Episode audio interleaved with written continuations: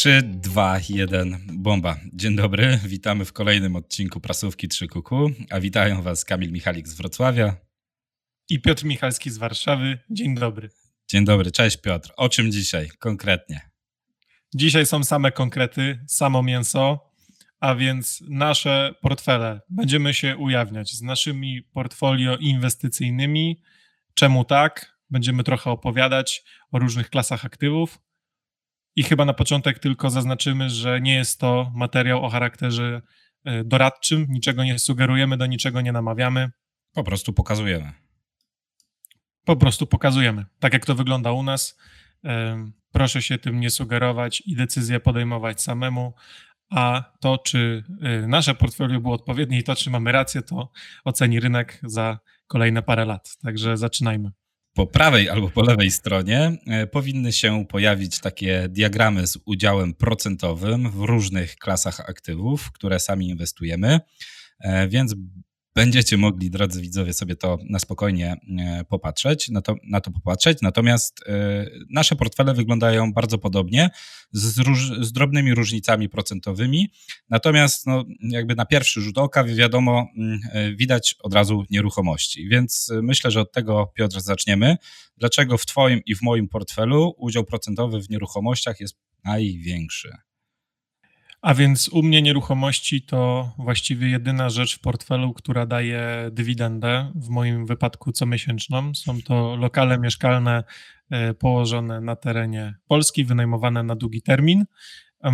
I ta pozycja u mnie to jest 50%, więc dość sporo, choć może to być nieco mylące, gdyż gdyby doliczyć um, nieruchomości kupione na kredyt hipoteczny, bo to 50% waży w moim portfelu netto. Gdybyśmy policzyli portfel brutto, to nieruchomości przekroczyłyby nawet 80%, e, gdyż część jest po prostu zalewarowana długiem, więc ten portfel jest, jest wtedy większy, ma większą ekspozycję.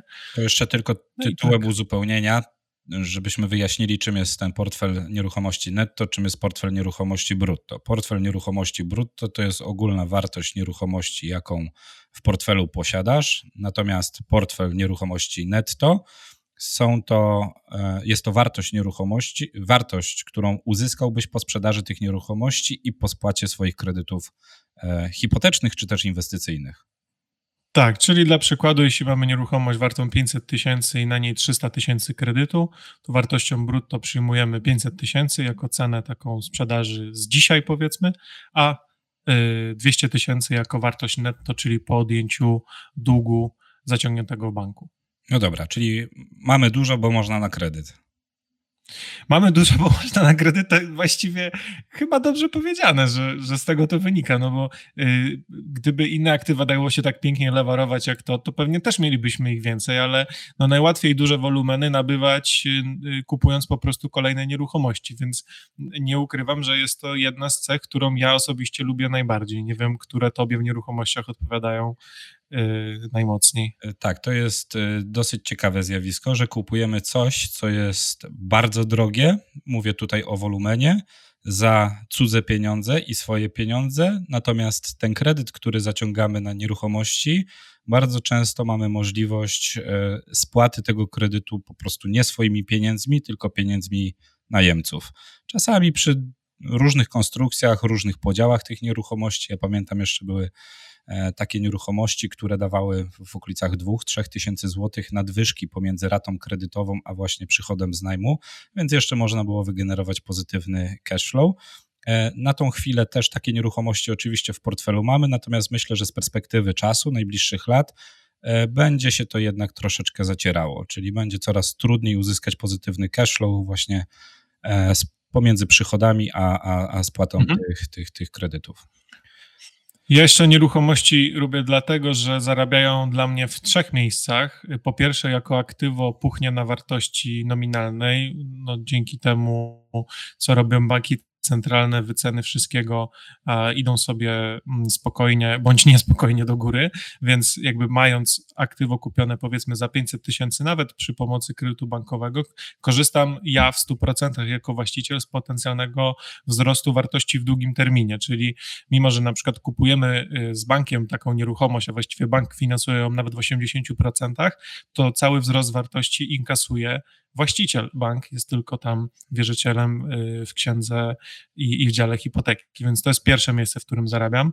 Drugie miejsce to jest ta nadwyżka gotówkowa, o której powiedziałeś, pomiędzy wpływem z najmu a spłatą raty kapitałowo-odsetkowej. No u mnie to są w zależności od nieruchomości nawet sięga jeszcze gdzie niegdzie 2000 zł, ale przyjmijmy, że to jest około 1500 w przeliczeniu na jakiś tam lokal mieszkalny około 60 metrów.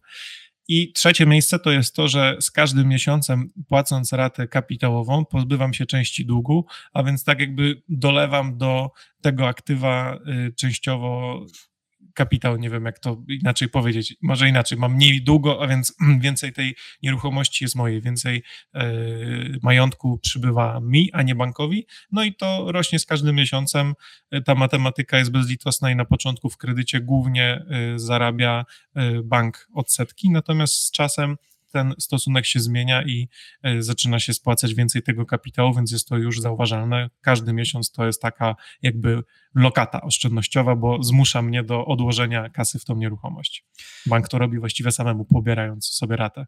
Tak, to prawda. Wiele osób e, mimo wszystko dalej patrzy na ratę kredytową jako na całość. Natomiast trzeba sobie jasno powiedzieć, że e, na ratę kredytu składają się odsetki i ten kapitał. I ten kapitał jest niczym innym jak taką wymuszoną formą oszczędzania i przesuwania tych pieniędzy do takiej wirtualnej kasetki, z której zawsze będziesz mógł skorzystać, choćby w momencie sprzedaży tej nieruchomości i, i po spłacie tego kredytu.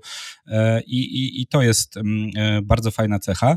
Natomiast y, dodałbym jeszcze czwarte miejsce, w którym my możemy potencjalnie zarabiać, czyli y, dla odpowiedniej klas nieruchomości, odpowiednich klas nieruchomości, y, można korzystać z, z, amortyzacji, którą można stosować w trybie przyspieszonym. I jest to nic innego jak cholerna tarcza podatkowa. To nie jest żadna luka w prawie, jest to po prostu zużywanie się środka trwałego w czasie. E, i nawet 10% podatku dochodowego mniej możemy rocznie sobie z takiej, dzięki takiej nieruchomości e, zapłacić. Więc to wskazałbym też jako czwarte miejsce. Tak, tak. No jeśli nie płacimy podatku dochodowego w działalności gospodarczej, korzystając z dobrodziejstw tejże amortyzacji, no to zaoszczędzamy te pieniądze, one zostają u nas na koncie, więc można powiedzieć, że je dzięki nieruchomościom dodatkowo zarobiliśmy. E, niewiele jest takich e, aktywów e, w Polsce, które można realnie posiadać i, i nie płacić praktycznie podatków, no bo na ten moment, jeśli nie mamy jeszcze podatku katastralnego, to sam podatek od nieruchomości to są kwoty, których w ogóle można nie brać pod uwagę wyliczeniach, no bo co to jest 200 zł rocznie przy nieruchomości wartej e, kilkaset tysięcy złotych, więc jakby na przykład kupujemy nieruchomość wartą 500 tysięcy, jeśli sprzedamy ją więcej po dłużej niż 5 latach, to nie mamy podatku od sprzedaży, e, czyli nie, nie, płacimy podatku od zysku, możemy sprzedać ją po dowolnej cenie, a najem jesteśmy w stanie równoważyć e, tą amortyzacją w przypadku mieszkań używanych dłużej niż 5 lat, więc jest to biznes, w którym w, dobry, w dobrym układzie praktycznie nie płaci się podatków i jeszcze nie ma VAT-u. Jeszcze nie ma VAT-u. Tak, yy, powiedzieliśmy, że można kupić je na kredyt i jest to lewar. Powiedzieliśmy, że można zarabiać w czterech miejscach. Yy, powiedzieliśmy, że przechowują siłę nabywczą. Natomiast chciałbym jeszcze zwrócić uwagę na jedną superlatywę nieruchomości, czyli to, że stosunkowo wolno reagują na sytuacje, które dzieją się na rynku. Tak jak mamy akcje na giełdzie, bitcoina, jakieś różne kryptowaluty, e, tam zjazdy mogą być z dnia na dzień i to w ujęciu procentowym e, 70, 80% czy nawet 99% w przypadku e, e, wybranych kryptowalut.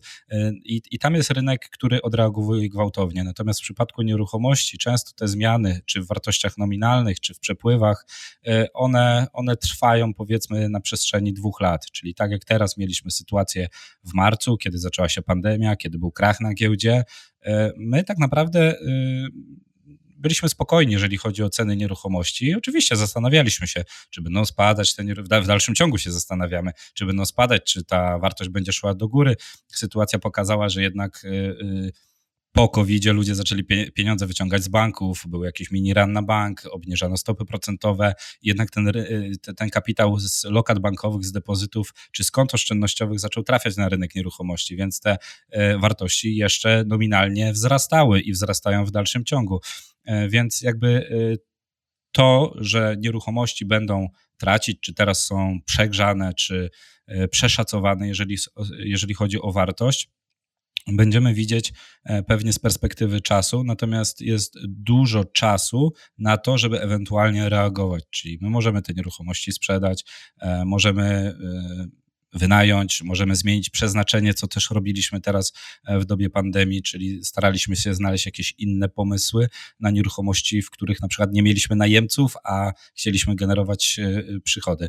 Więc jeszcze to uznałbym za taką, w moim odczuciu, mimo wszystko bezpieczną E, bezpieczną przystań i stabilne aktywo, które nie stopnieje mi z dnia na dzień o kilkadziesiąt, kilkanaście nawet procent. Tak, nie jest też to rynek jednorodny. Jeden bitcoin do drugiego jest na tyle podobny, a właściwie się nie różni niczym, czy akcja firmy X jest taka sama jak druga akcja firmy X, natomiast no, nieruchomości są troszkę, mają inną specyfikę. Nie możemy powiedzieć, że ogólnie są dobre lub złe, bo to wszystko będzie e, zależało od tego, po jakiej cenie kupiona, w jakiej lokalizacji e, i w jakim czasie. Jeśli ja mam na przykład nieruchomości w portfelu z 2018 roku, no to one były brane po takiej, po takiej cenie, że dzisiaj nawet zakładam 30% spadek nie nie wróciłby do tamtych cen, czyli jakby już, już na wartości jestem do przodu tyle, że e, jakby nie boję się o to, że w każdej chwili będę w stanie taką nieruchomość upłynnić, sprzedać, e, spłacić nawet kredyt i jeszcze zostanie z tego jakaś górka. Dlatego, e, no właśnie tak jak mówisz, nie trzeba się tym zajmować codziennie, nie trzeba śledzić kursu, nie ma czegoś takiego jak kurs ceny mhm. nieruchomości do sprawdzenia, więc być może dlatego również jest to od, jakby nieco bardziej odporne na taką manię na rynku. No i nie jest łatwo też podjąć decyzję ani o zakupie, ani o sprzedaży. Na Revoluta wystarczy się zalogować czy Robin Hooda i w ciągu minuty jesteś w stanie przeklikać i kupić dowolną akcję, a jednak y, proces sprzedaży czy zakupu nieruchomości no, jest rozciągnięty no, minimum na kilka dni, więc, yy, więc zajmuje to pewien czas i trud, żeby taką nieruchomość kupić bądź sprzedać. Mhm.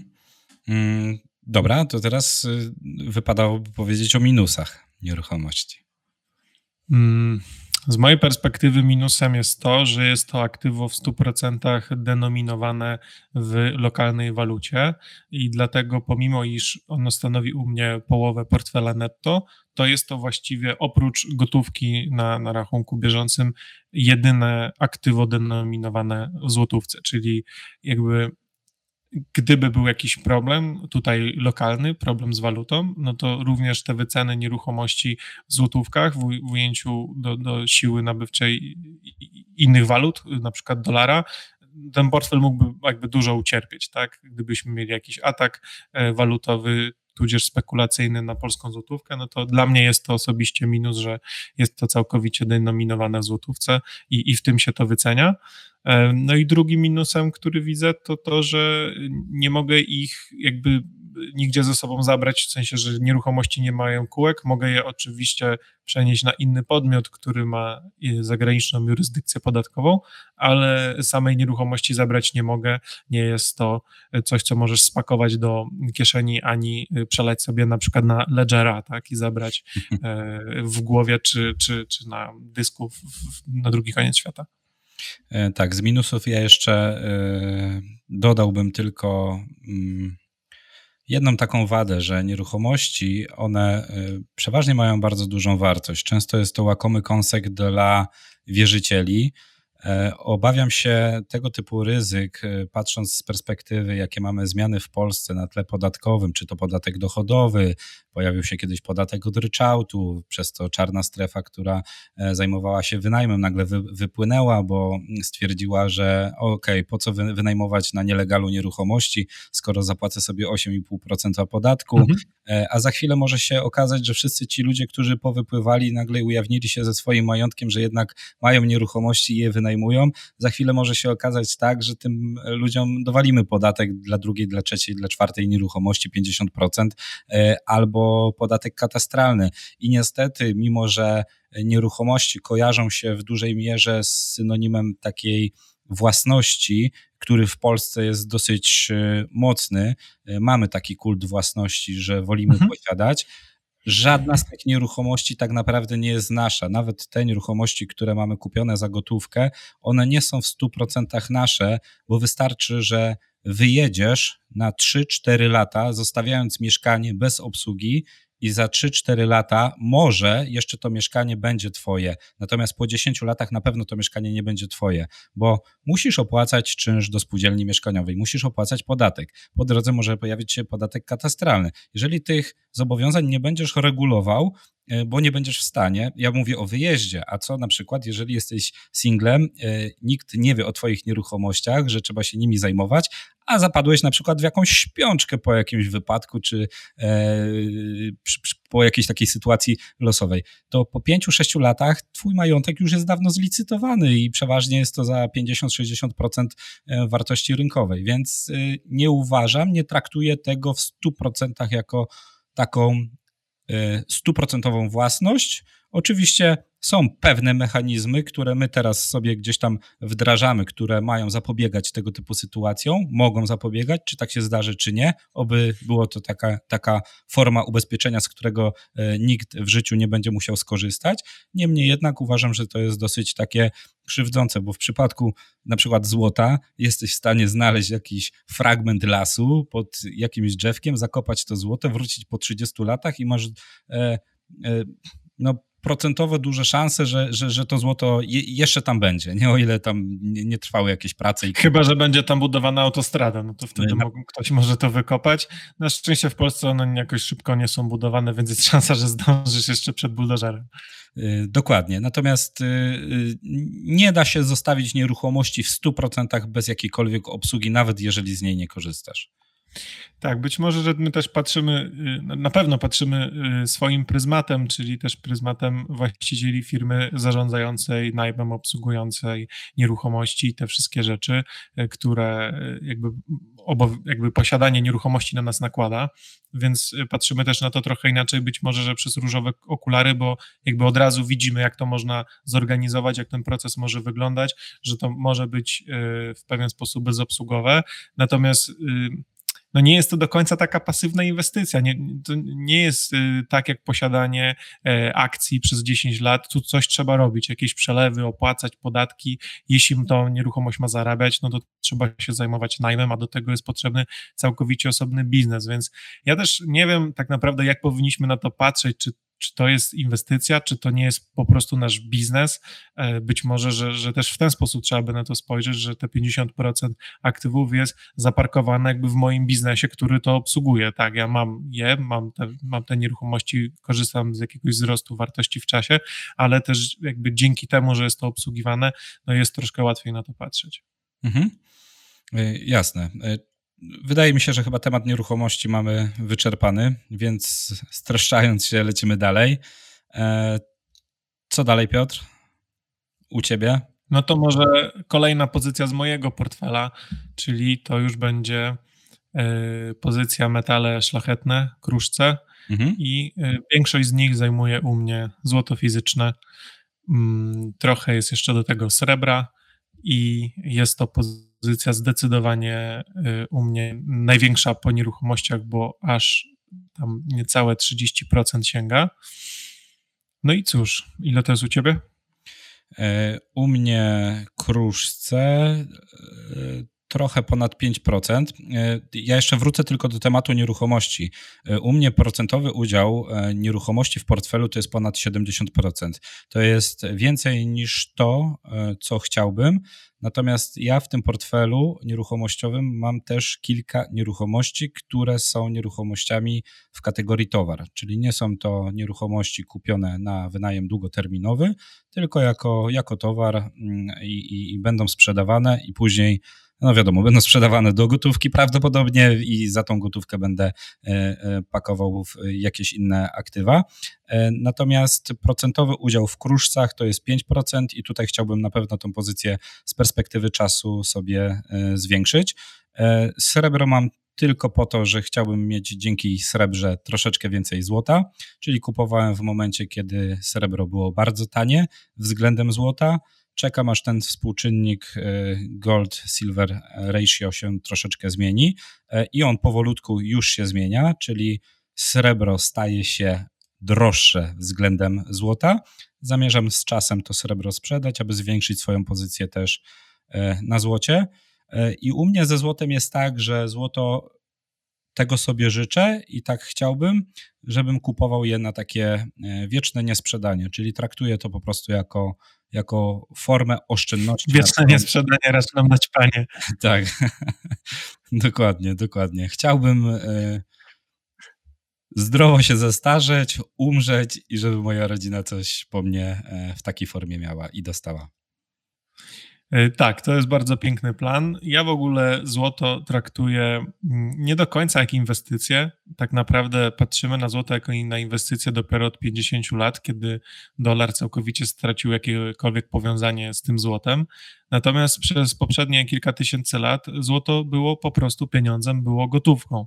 Więc ja zostaję przy tej starej nomenklaturze, czyli nazywam e, złoto gotówką złoto nazywam pieniądzem, a te środki płatnicze, które mamy na koncie i w których wyceniamy pozostałe rzeczy, e, nazywam właśnie środkami wymiany, środkami płatniczymi. I e, z racji tego, że mm, ten spread na złocie jest dość niewielki, przynajmniej dla mnie akceptowalny, to jest powiedzmy 3,5-4%, to nawet w długim terminie wolę mieć e, te środki zabezpieczone w złocie, które jest płynne, jest denominowane w zagranicznej walucie, jaką jest na ten moment dolar, mm, jest dość odporne na wszelkie zawirowania, mało tego często na zawirowaniach zyskuje, więc y, patrzę na to na zasadzie mam, jak będę miał potrzebę, potrzebę czy będę miał lepszą opcję na wykorzystanie tych środków, to pójdę i upłynnie, natomiast być może, że też y, nie będzie takiej potrzeby i to sobie będzie e, leżało, chociaż faktycznie ta pozycja u mnie jest duża, ona tak sobie rosła właściwie przez ostatnie półtora roku, bo Pierwsze uncje złota kupowałem jeszcze poniżej 6 tysięcy złotych, tam nawet 5 800, 5 900, piękne czasy. Potem to było bardzo długo między 6 a 6,5, aż y, do marca zeszłego roku, kiedy ostatni raz udało mi się kupić bodajże za 6,550 fizycznie dostępne. No i potem był COVID, to wszystko, y, premie podrosły, więc bardzo długo y, nie kupowałem, bo było już po prostu mega drogo, aż było najdrożej i wtedy kupiłem, bo bałem się, że już nie spadnie, więc mam też uncje kupione po 7 800, 7 900, ale to tam nie, nie, nie dużo. No i teraz y, korzystając z tego spadku y, również zwiększyłem ekspozycję E, I sądzę, że to na ten moment będzie kropka już więcej niż 30%. Według tam wielu innych rzeczy, które sobie wyliczam, raczej nie będzie miało dla mnie sensu. E, jest to też tam trochę y, tak spekulacyjnie, bo spodziewam się pewnych rzeczy, na których być może to złoto da zarobić znacznie wyżej niż inflacja. I E, no i tak, to właściwie są, są takie powody, dla których to leży u mnie. E, u ciebie rozumiem, że plan jest na zwiększenie, a wiesz mniej więcej do jakich wartości mniej więcej chciałbyś to doprowadzić? Chciałbym na pewno podwoić e, tą swoją pozycję na złocie, na kruszcach. No patrzę jeszcze z perspektywy tego srebra, które które mhm. posiadam, że będę je e, sukcesywnie wymieniał na, na, na złoto. E, na pewno chciałbym e, tą pozycję podwoić, natomiast tak jak mówię, ja nie traktuję tego też jako samą inwestycję. Spoglądam sobie, jak złoto się zachowuje, no bo jest to o tyle istotne, że mniej więcej jesteśmy w stanie zorientować się, w, w jakim stanie jest gospodarka albo czego możemy się spodziewać. I złoto dosyć fajnie sprawuje się w kryzysach, sprawuje się dosyć fajnie w otoczeniu e, negatywnych stóp procentowych, które obecnie e, mamy i jest dosyć dobrym hedgem na inflację przy niskich czy też zerowych bądź też negatywnych stopach procentowych, więc traktuję to mm, jako taki bezpiecznik, również na ewentualny jakiś crash systemu, że coś się wydarzyło i nagle nie mamy gotówki, fizycznej takiej gotówki, E, musimy operować w jakimś CBDC e, e, czy jeszcze jakimś innym systemie, więc uważam, że jeżeli coś niezmiennie od kilku tysięcy lat udowadnia, że jest pieniądzem, ma ograniczony. Ograniczoną podaż. Ma ograniczoną podaż, to, e, to należy spodziewać się, że w kolejnym przypadku będzie dokładnie e, tak samo. Z minusów, jakie widzę, to oczywiście przy złocie fizycznym kwestia magazynowania. Trzeba naprawdę się mocno zastanowić, gdzie takie złoto przechowywać, no bo jest stosunkowo łatwe do ukradnięcia. E, kontrakty terminowe, zarówno wiem, że ja, e, kontrakty terminowe, wiem, że zarówno ty i ja e, nie, nie, nie jesteśmy zwolennikami, nie mhm. wierzymy w giełdę komeksową. Widać to było nawet w momencie, kiedy mieliśmy krach na rynku w marcu, jak odkleiły się ceny komeksowe wirtualnego złota od fizycznych kruszców. Nawet mhm. rozmawiałem we Wrocławiu tutaj ostatnio u jednego z dealerów, e, to e, pani e, sprzedawczyni mówiła, że po 10 tysięcy złotych za uncję fizycznego złota byli klienci w stanie zaoferować, tylko że po prostu tego nie było. Więc mhm. to jasno pokazuje, w którą stronę jest, jest ucieczka. Z plusów jeszcze, jakie, jakie w stosunku do nieruchomości, to że troszeczkę łatwiej jest to przewieźć przez, przez granicę, bo jednak wiesz, dwie, trzy tubki, cztery tubki jesteś w stanie sobie Krugerrandów e, zapakować. Natomiast no nie jest to. Yy, idealne narzędzie do tego, żebyśmy majątek w wysokości 15 milionów złotych przewozili w, w, złocie. Wiadomo, że przy pierwszej kontroli na granicy pewnie by ci to złoto skonfiskowali i, i musiałbyś udowadniać, że nie jesteś wielbłądem. E, natomiast no, w przypadku nieruchomości nie mamy w ogóle takiej możliwości, żeby, żeby ją zabrać. Niestety nie mają kółek, więc jak jest wojna w Polsce, to niestety e, nieruchomość idzie na stratę.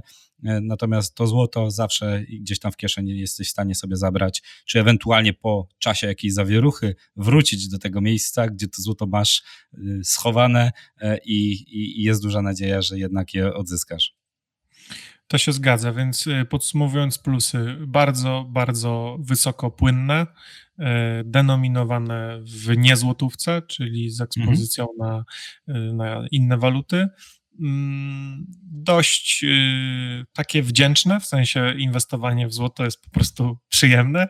Y, ktoś, kto pierwszy raz bierze monetę, zawsze ma takie, o, fajna jest ta moneta, jakaś taka kurczę, cięższa, to jest cięższa, cięższa, jakieś to tak. jest ładne, że te 31 gramów waży jak więcej niż 31 gramów czegoś tam innego.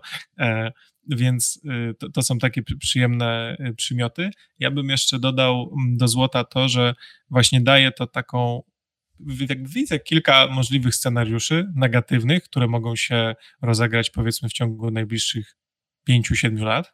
E, nie jestem w stanie oszacować ich prawdopodobieństwa, znaczy próbuję to robić, ale no nie, nie, jestem w stanie podać procentowej wartości. E, natomiast tych wydarzeń różnych, które widzę i takich możliwych mm, negatywnych y, właśnie y, zawieruch jest na tyle dużo, że sumuje mi się to do tego, że jednak warto gdzieś to złoto w portfelu posiadać, e, chociażby jak to, że Polska może zostać y, wciągnięta do strefy euro.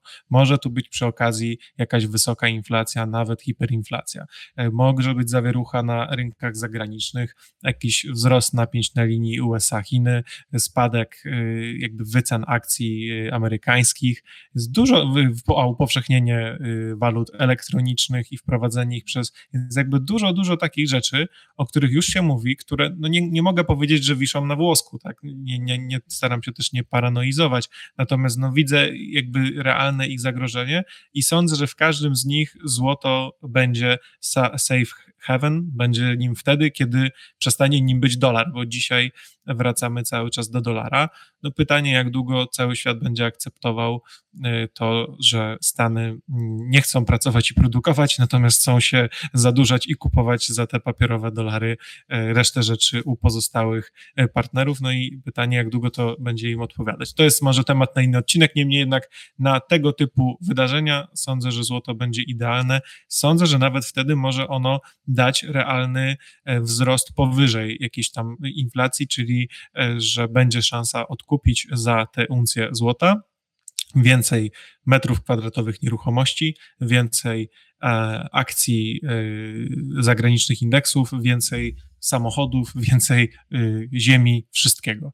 To jeszcze taka ciekawostka. W Wenezueli podczas hiperinflacji ceny średnio jedzenia wzrosły przez półtora roku 5 tysięcy razy, 5 tysięcy, nie 5 tysięcy procent, 5 tysięcy razy, czyli zamiast 10 boliwarów za jabłka musiałeś zapłacić 50 tysięcy boliwarów i jednocześnie ceny złota wzrosły wyrażone w boliwarach 25 tysięcy razy, co oznacza, że dla posiadaczy złota po całym kryzysie wszystko stało się 5 razy tańsze, czyli było to takie deflacyjne wydarzenie, y, którego byśmy sobie jako posiadacze złota y, życzyli. E, więc mimo, że majątki większości ludności ewaporowały, po prostu się rozpłynęły e, w ciągu dosłownie półtora roku, tak, posiadacze złota, nawet jeśli ktoś miał 20% złota w portfelu, był w stanie samym złotem e, być na punkcie wyjściowym po całym e, zamieszaniu, tak. Czyli utrzymał siłę nabywczą swoich. Utrzymał siłę nabywczą, wystarczyło 20% wagi, żeby to e, utrzymać. Oczywiście to nie znaczy, że teraz musi być tak samo, że w Polsce wydarzy się to samo, to tylko jakiś tam przykład akurat niedawnej, natomiast no, ja widzę tego rodzaju wydarzenia i daje mi to jakiś spokój, bo jakby ta strata kilkuprocentowa, gdybym musiał sprzedać, jest na tyle nieduża, że po prostu jestem ją skłonny ponieść, gdybym miał lepsze rozwiązanie na te środki na ten moment. Y, to prawda. Poza tym, y, zarówno y, ty, jak i ja patrzymy też troszeczkę na to złoto, jak na taką E, drugą kieszeń, którą możesz otworzyć w momencie, kiedy pojawi ci się jakiś super deal życia. W marcu zeszłego roku, kiedy e, był duży krach e, na rynkach, E, wiele osób zaczęło się zastanawiać, co dalej. E, czy będziemy jeszcze bardziej lecieć w dół, czy ludzie będą się wyprzedawać z nieruchomości, czy nieruchomości będą tanieć, e, czy ludzie będą mieli problemy ze spłatami kredytów. To nawet nie był sam skutek pandemii, tylko tych właśnie lockdownów. Więc upatrując pewne możliwości, które daje kryzys, że transferuje się ten majątek z jednych rąk do drugich rąk, w momencie, kiedy miałbyś super deal, że kupujesz coś bardzo atrakcyjnego mhm. za 50% wartości, równie dobrze możesz sprzedać to złoto, akceptując stratę 3% tego spreadu e, i wykorzystać to tylko dlatego, że wiesz, że możesz na tym zarobić, zrobić deal i z powrotem do złota wrócić. Więc ja na złoto jeszcze tak troszeczkę patrzę jak na gotówkę, którą mógłbym użyć, tylko że troszeczkę trudniej jest się e, do niej dostać. E, co jest jakby plusem, jeśli jakby nie chcesz za bardzo jej przeznaczyć na bieżącą konsumpcję, a jednocześnie jak będziesz widział fajną okazję, to na pewno nie będzie problemu, żeby ją zrealizować. Nawet taką okazję podałeś już w tym roku, bo jeśli e, była część osób z fizycznym kruszcem, która w kwietniu jednak uznała, że ta, ta histeria minie i była skłonna swoje uncje złota tymże spanikowanym za 10 tysięcy złotych sprzedać, to dziś jest w stanie te same uncje złota odkupić za 7 tysięcy złotych, czy 6900 nawet, więc e, na takiej inwestycji w ciągu niecałego roku e, można było zarobić 45%, tak? I to było jakby realnie do wykonania, tak? Sprzedać tym spanikowanym na OLX-ie po 10 tysięcy Krugeranda, potem pójść i odkupić, czy Kangura i pójść i odkupić to 30-40% e, taniej, także wydaje mi się, że jakby można też na tym e, zyskać, jeśli, jeśli się to obserwuje. Natomiast dla mnie jakby nie, nie, patrzę w tą stronę. Kupuję po różnych cenach pośrednich, po prostu dokładam. E, raczej moja cena średnia zakupu jest znacznie poniżej aktualnego kursu, więc, więc jakby jako całość jestem do przodu. Na to, że kupowałem również wyżej, no to nikt nie wiedział, tak? W tamtym momencie, kiedy było po 7800, 7900, były głosy, że się to złoto zaraz skończy, że nie będzie fizycznych dostaw, prawda? Wtedy też te inaczej informacje do nas spływają. Tak, i wtedy każdy chciał, ale to się potwierdza taki antytalent do inwestowania, nie? Jak już widzimy, że wszyscy kupują, że, że, jest chaos, to wtedy każdy chce. Jak jest za 50% y, ceny, to nikt się tym nie interesuje. To, to, to niestety nie ma zainteresowania i nikt na to nie zwraca uwagi. Również teraz tego zainteresowania nie ma. Media trąbią o kolejnych rekordach giełdy. Y, również na tapecie cały czas jest krypto, więc to złoto y, sobie od, odchodzi znowu gdzieś tam powiedzmy do lamusa, zainteresowanie spada e, i myślę, że to jest dobry moment, y, przynajmniej dla mnie, na to, żeby się tym zainteresować, a wtedy, kiedy będzie o tym głośno i już pan w taksówce czy, y, czy chłopaki na siłowni zaczną o tym opowiadać, to być może będzie to okres, żeby się zastanowić nad wyjściem. Albo jak ludzie zaczną się rozliczać, wiesz, na ulicy Krugerandami, bo nie będzie gotówki fizycznej. Albo papierki, które teraz mamy w portfelach, będą po prostu bilecikami do kina, albo będziesz mógł sobie wytapetować nimi pokój. Dokładnie. Dobra, co dalej w portfelu Kamilu? Liznęliśmy, liznęliśmy już temat krypto, więc myślę, że możemy sobie o krypto powiedzieć, póki jeszcze jest skrajnie pozytywny sentyment. E, krypto ja mam typowo spekulacyjnie. Mam, e, no może inaczej, 95% mojego portfela krypto jest typowo spekulacyjny, czyli kumulowany w okresie BESY, kumulowany na początku okresu HOSY e, i praktycznie ja już jestem w krypto zrealizowany, jeżeli chodzi o mój portfel, czyli zrealizowałem zyski z krypto, teraz mamy HOSę, ile ona jeszcze będzie trwała, być może będzie trwała do końca roku, być, być, być może będzie trwała do końca kwartału 2022 roku. E, tego życzę wszystkim e, wchodzącym teraz na rynek krypto. W moim odczuciu rynek jest już nagrzany. E, czytamy wielu portalach niebranżowych y, o, o Bitcoinie, o kolejnych szczytach. Y, bardzo dużo ulicy zaczęło teraz wchodzić, więc być może po drodze będą jakieś korekty i ta hossa będzie jeszcze trwała długo, długo, długo. Natomiast ja na krypto już zrealizowałem zyski. Część portfela kryptowalutowego jeszcze mam, ale jest to portfel zakumulowany E, właśnie na portfelu sprzętowym, zakopany, tak żebym nie miał do niego dostępu, żeby nie kusiło, żeby sprzedać. Być może za 5-10 lat e, popatrzę na ten filmik i sobie e, powiem, że było warto, warto, kiedy Bitcoin będzie warty już 10 milionów no, złotych, to może być szybko warty, ale generalnie w stosunku do dolara, gdybyśmy patrzyli dzisiejszej wartości, to być może będzie to 10 milionów dolarów, więc traktuję to tak, jakbym go nie miał. Staram staram się zapominać. E, i taki procentowy udział w moim portfelu to jest e, w tym momencie 5% e, łącznie w kryptowalutach, natomiast mam tu jeszcze część kryptowalut, które właśnie wyprzedaję, będę realizował zyski w trakcie tej hosy, więc tu tą pozycję na pewno z perspektywy najbliższych dwóch, trzech miesięcy będę miał dużo, dużo niższą. Czyli rozumiem, że myśl zasady, aby ostatnie 10% wzrostów zostawić innym, ty się już y, skaszowałeś i czekasz cierpliwie, aż będzie lepsza okazja do załadowania. Tak, jak już wszyscy odinstalują aplikację, już nie będę widział na bankierze, nie będę widział na e, jakichś portalach właśnie takich niebranżowych i nie będę słyszał od ludzi e, w szatni na basenie, że, że, że realizują zyski z krypto albo że zamierzają realizować zyski z krypto, e, to... Z kryptokurencji. Z kryptokurencji. Tak. Tak, tak, dokładnie. E, to, to, to, to wtedy myślę, że będzie dobry czas na akumulację i kupić to po prostu za 10% dzisiejszej e, wartości. Nie mówię o samym Bitcoinie, mówię o altcoinach, które kupowałem typowo spekulacyjnie. E, nie jest to moja branża, nie śledzę tego rynku w sposób taki, jak robią to ludzie, którzy zajmują się tylko tym. Natomiast śledzę oczywiście ich poczynania, staram się wyciągać wnioski kupuje e, płatne treści e, czy ich płatny content, tak żeby na ich wiedzy e, móc podejmować pewnego rodzaju decyzje. Natomiast nie jest to dla mnie rynek, który dla którego chciałbym mieć możliwie duży udział procentowy w moim prywatnym portfelu. Ta zmienność jest bardzo duża w ciągu jednego dnia. Potrafi się kurs wahać w okolicach 20, 30, a nawet i 60% jeszcze, e, jeszcze kiedyś, więc jakby to nie jest na moje nerwy, aczkolwiek nie mówię, że nie da się na tym zarobić. Na pewno jest dużo graczy, wyjadaczy, którzy, którzy siedzą w rynku e, i, i, i odcinają kupony, które później zamieniają na Krugerandy albo na nieruchomości. Powiedziane pięknie.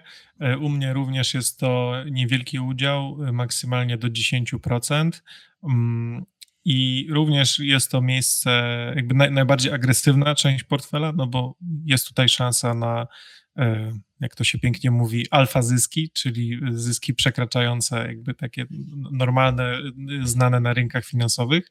Więc y, tak, jest to spekulacyjnie y, taka agresywna odnoga, szansa, że będzie z tego coś większego i że uda mi się wtedy na tej y, mani to oczywiście sprzedać. Ja na kryptorynek wyruszyłem nieco później niż ty, więc jestem też po innych cenach, więc mój apetyt nie jest jeszcze zaspokojony, natomiast tą korektę, która teraz się wydarzyła, potraktowałem jako ostatnią, y, którą chcę przeżyć. Abs absolutnie nie, niezależnie od tego, ile jeszcze przed nami jest, czy, czy, czy ta hossa się skończy teraz, czy za rok, po prostu ja tych emocji przeżywać nie mogę, bo mi szkoda mojego zdrowia. Mimo, że to jest tylko 10%, czyli powiedzmy 30% spadek krypto e, oznacza tylko 3% stratę na całym portfelu, to po prostu te liczby, które widzisz i te czerwone świece y, wywołują pewnego rodzaju emocje, których nie jesteś w stanie powstrzymać. I, ja z tym nawet nie walczę. Staram się właśnie podejmować decyzje tak bardzo na chłodno, czyli e, Excelowo. To jest jakby to jest będzie 10%, tyle ma tam prawo leżeć, nawet jeśli stracę wszystko ok, czyli zakładam, że te pieniądze, które są e, na giełdzie, tudzież w krypto na, na, na portfelach sprzętowych, że to są pieniądze stracone, ich nie ma i tylko takimi uważam, że warto w krypto inwestować. Natomiast jeśli uda się na tym zrealizować e, zysk, no, no teraz jestem już w zysku, tak, więc jakby jest to y, też bardziej komfortowa sytuacja, natomiast y, zdecydowanie tylko jako, jako część portfela i, ta zmienność mnie, e, mnie po prostu zabija. Ja nie, nie chcę sprawdzać tych kursów, po prostu jakoś, nie wiem, kupuję nieruchomości po kilkaset tysięcy i tam nie budzę się rano, nie wchodzę na to dom, nie sprawdzam, czy kawalerka na Mokotowie jest droższa czy tańsza, nie? a jednak z krypto trochę tak jest, więc, e, więc traktuję to jako dodatek. Gdzieś tam mam długoterminowo nadzieję, że krypto z nami zostanie na dłużej, że będzie to pieniądzem wolnych ludzi, no ale na to wszystko pewnie inne zdanie mają e, panie i panowie z banków centralnych e, różnych ważnych krajów na świecie, więc nie wiem, czy ta wizja uda się zrealizować. Bardzo bym chciał, żeby długoterminowo się udało i żeby branża się rozwijała, ale być może, że uda się też ją zgasić jak peta. Myślę, myślę, że zostanie krypto, e, ale nie w tej formie, jaka obecnie jest. Będzie to rynek na pewno regulowany w przyszłości. No i tu z tego miejsca pozdrawiamy panią Janet Jelen, panią Lagarde, także Dokładnie, dokładnie i wszystkich innych e, finansistów, którzy robią wszystko, żeby e, krypto było e, nie takie jak ma być, czyli żeby nie było anonimowe, żeby było regulowane i żeby krypto ok pod warunkiem, że nasze. Tak, po, po, pod warunkiem, że będziemy kreować podaż tego krypto, tak więc i będzie można je odpowiednio dodrukować tyle, ile trzeba, także no troszeczkę to kłóci się z jakby z samą definicją no. i założeniami kryptografii, natomiast no cóż, obserwujemy spekulacyjnie jak najbardziej, natomiast z głową oczywiście zachęcamy do realizacji zysków, Piotr, ciebie też również zachęcam, bo sam przed chwilą powiedziałeś, że jesteś już w proficie, że kryptowaluty dały ci zarobić, ale jednak jednak jeszcze troszeczkę do tego brzuszka chcesz dołożyć, więc. Po, najgorszy moment jest wtedy, kiedy cyferki na koncie widzisz już na przykład w postaci wymarzonego samochodu. I wtedy, kiedy do y, po prostu kompletu alufel, które ci odpowiadają, brakuje dosłownie jeszcze kilku procent, no to czekasz, że przecież zaraz rynek ci to da. I wtedy właśnie okazuje się, że rynek niczego ci wcale nie chce dać, jest cofka 30% i z samochodu zostaje ci właśnie zamiast, y, brakowało ci tylko felk, a teraz zostały ci same koła, a samochodu y, nie ma ja jestem w, takim, w, takiej, w takiej pozycji, że faktycznie już przed tą korektą, gdybym zamknął, byłbym mega happy, ale jestem greedy i przeczekałem. E, teraz, kiedy zawracamy, to jestem już happy, że przeczekałem, ale e, daję tutaj sobie słowo, że e, do kolejnej korekty nie doczekuję, tylko wyskakuję wcześniej, ewentualnie może jakąś małą część zostawię na zasadzie, niech tam sobie leci dalej, ale realizuję, wychodzę, zapominam i czekam, aż będzie znowu o tym nudno. Tak jest. Przechodzimy dalej. Gotówka. Cash is king.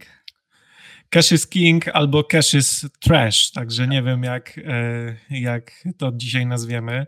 Ja patrzę na gotówkę tak, że to jest tylko, no w tym wyceniamy dla ułatwienia, bo też ceny w Lidlu są podane w tej gotówce, w tych środkach płatniczych, więc wyceniamy to również w złotówce, chociaż nie wiem, czy to jest właściwa forma, czy nie lepiej byłoby portfele wyceniać na przykład w uncji złota albo w średnim wynagrodzeniu, w jakiejś innej wartości, albo właśnie w, może jeszcze w dolarze. Także dla mnie środki płatnicze tylko tyle, ile koniecznie potrzebuję do obsługi najbliższych zobowiązań, powiedzmy na 3, maksymalnie 6 miesięcy. Każda ilość ponadto jest dla mnie zbędna. Jeśli mają to być środki e, służące do zakupu innych aktywów, to wolę to zamienić na mm, kruszce, na jakieś inne hard asety e, i po prostu przeczekać, ewentualnie stracić kilka procent na tej wymianie. Trudno, wolę e, stracić kilka procent na wymianie niż zostać z biletami NBP, które będę mógł sobie e, właśnie, nie wiem, gdzieś tam traktować już tylko jako wspomnienie. E, to prawda. U mnie ten udział procentowy w gotówce jest zdecydowanie za duży. Chciałbym co najmniej 10% z tego odjąć. E, również podchodzę do gotówki w sposób taki, że chciałbym mieć tylko na przeżycie. No niestety nie pójdę do tego Lidla i nie zapłacę uncją srebra albo złotym Krugerandem za jakieś zakupy e, w hurtowni czy za paletę regipsów. E, no i tak samo z definicji samego środka płatniczego, takiego naszego choćby PLN-a, no nie zapłacę podatków, które niestety są przyjmowane w walucie danego kraju. No nie, nie, nie, nie zaniesiesz daniny czy opłaty do, do, do urzędu skarbowego i, i nie pokażesz pani Krugeranda, więc ta gotówka jak najbardziej jest dla mnie tylko do przeżycia. E, tu na potrzeby tego e, materiału, tego portfela, e, zrealizowałem sobie takie wyliczenia, przeliczając właśnie sumę wszystkich aktywów i przeliczając to na liczbę uncji złota. Będę to obserwował, będę sobie to mierzył, czy będzie się to zwiększało z perspektywy nadchodzących lat, czy będzie się to zmniejszało. E, to sobie na pewno sprawdzimy. Natomiast gotówka jest to coś, co chciałbym w tempie światła e, wydać na coś sensownego, typu właśnie nieruchomości. Jeżeli nie będę miał lepszego e, pomysłu, będę na pewno pakował to w złoto i traktował to jako taką kieszeń, do której właśnie mogę sobie sięgnąć w momencie, kiedy jakaś okazja się pojawi. Natomiast ten udział procentowy gotówki jest to mój kapitał taki obrotowy, tak? Czyli nie jest to e, kapitał, który trzymam w długim terminie, tylko jest to część kapitału z mojego portfela, którym chcę obracać, który chcę pomnażać, e, czy to jest nieruchomość, czy to jest super biznes, czy to jest korekta na krypto. E, nie ma to dla mnie znaczenia, natomiast sama gotówka, nie więcej niż 10 tysięcy złotych na koncie, dla mnie to byłaby idealna sytuacja. E, ja patrzę jeszcze tak, że 10% w portfelu, bo tyle mniej więcej u mnie jest e, gotówki, czyli e, papierków i, cyfrów, i zapisów cyfrowych na koncie w polskiej złotówce. To przy 10% inflacji stracę na tym 1% w ujęciu całego portfela i to jest maksymalna cena, jaką jestem skłonny zapłacić za łatwy i szybki dostęp do tych środków i do tego, że jakby jestem w stanie szybko kupić za to, nie wiem, jak będzie jakoś okazyjna nieruchomość, czy będzie okazja do zakupu złota, czy do, do inwestowania biznesu, czy do zrobienia czegokolwiek, no to tylko i wyłącznie w tym kontekście, no i na obsługę zobowiązań, rad, kredytów, leasingów, jakaś taka rezerwa, żeby nie biegać powiedzmy co miesiąc z uncją złota i nie wymieniać, żeby zapłacić za leasing. E, także tylko w ten sposób. Natomiast gdyby to było 100% w gotówce, e, nam się to wydaje niemożliwe. Natomiast mnóstwo ludzi, z którymi się spotykamy, w ten sposób ma swoją ekspozycję, czyli cały ich majątek to jest nieruchomość, w której mieszkają, plus pieniądze na koncie bankowym. No to przy 10% inflacji e, tracisz 10%, więc jest to już dużo i nieprzyjemnie, mm, przynajmniej dla mnie. To się tak, wiesz, ostatnio to się tak um, płynnie mówi, że to jest 10%, ale zobacz, no od bańki, no to jest 100 koła rocznie. A od 10 to bańka. No. Dokładnie. E, I w ogóle złotówka to jest y, umowa społeczna, która trwa dopiero od y, kilkudziesięciu lat od poprzedniej denominacji, no bo wtedy tamtą umowę powiedzieliśmy, tego nie ma, pa, pa, pa, tamta złotówka jest nieistotna, robimy teraz nową złotówkę, a dzisiaj wierzcie, że ta będzie lepsza. Więc to jest pewnego rodzaju taki jakby schemat myślowy, w którym wszyscy y, wierzymy, no i który wzmacnia również rząd tym, że zmusza nas do płacenia podatków w tej walucie i tak dalej, więc no, na dzisiaj y, ona reprezentuje jakąś tam wartość, natomiast już, już na tym kilkudziesięcioletnim okresie jesteśmy w stanie zobaczyć, zobaczyć, y, patrząc na 30-40 lat wstecz, że już y, większość z tej wartości pierwotnej złotówki wyparowało i ona straciła już kilkadziesiąt procent wartości i dalej kolejne procenty traci, czyli zupełnie inną wartość miało to 100 zł sprzed 30 lat, a teraz pewnie to jest wartość tylko już, nie wiem, 20 zł czy, czy 10 zł, także już na takiej krótkim y, czasie jesteśmy w stanie to zobaczyć, a co dopiero teraz, gdyby był jakiś epizod podwyższonej inflacji, tudzież hiperinflacji, tudzież no takie rzeczy, które nam się wydają, że są niemożliwe, nie? No, ale wiele rzeczy się ludziom wydawało, że są niemożliwe aż do momentu, kiedy się działy, także to nie znaczy, że teraz w panice wszystko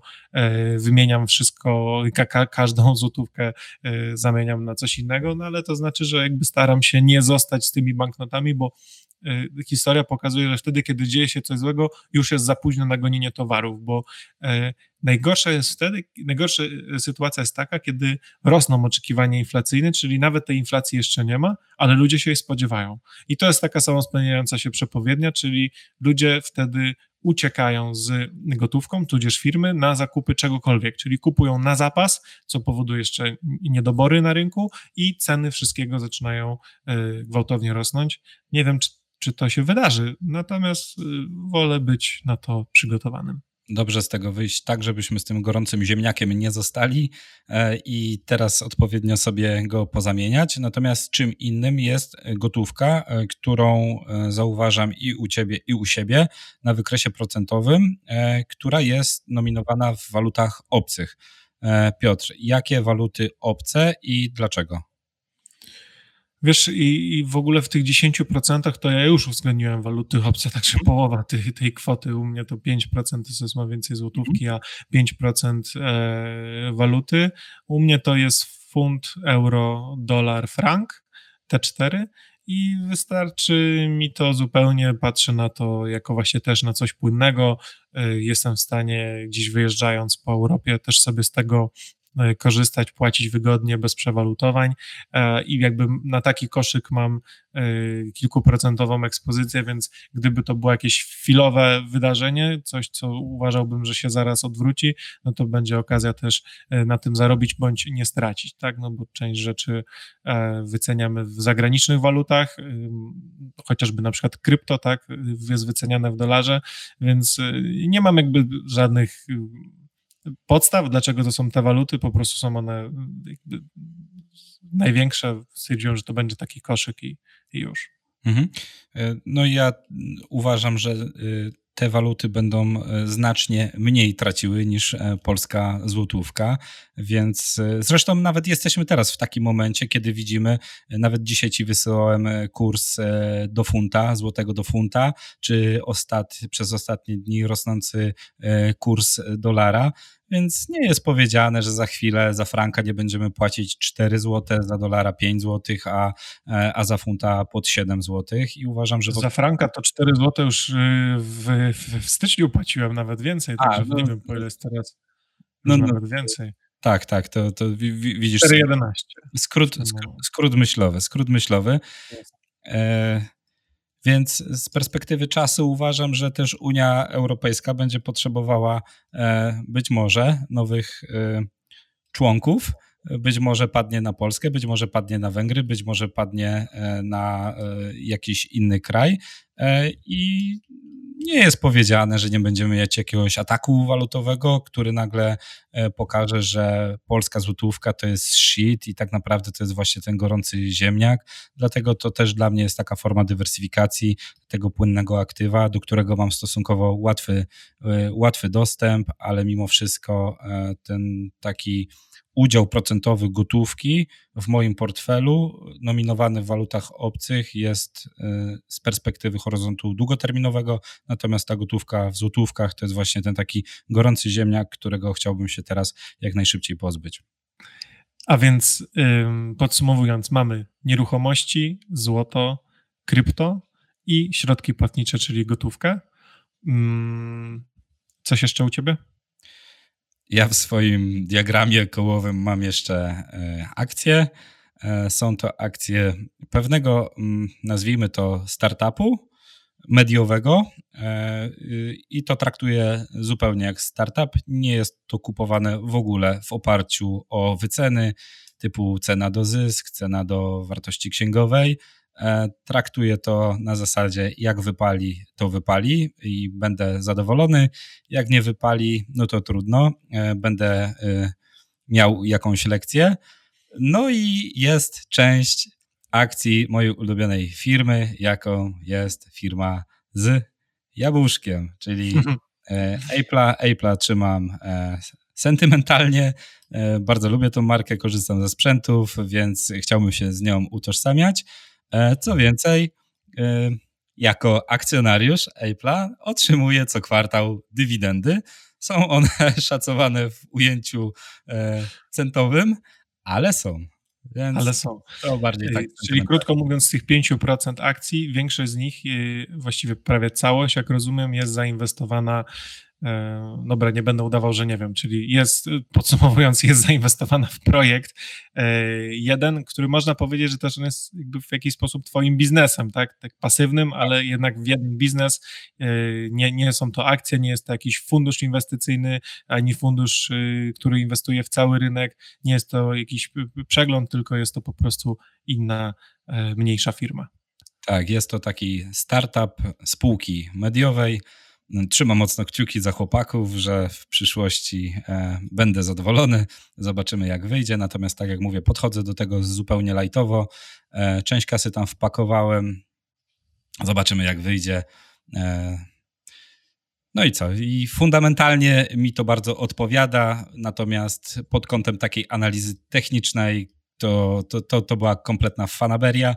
E, niemniej jednak e, trzymam kciuki za siebie, za ekipę. Zobaczymy, jak e, sytuacja się potoczy.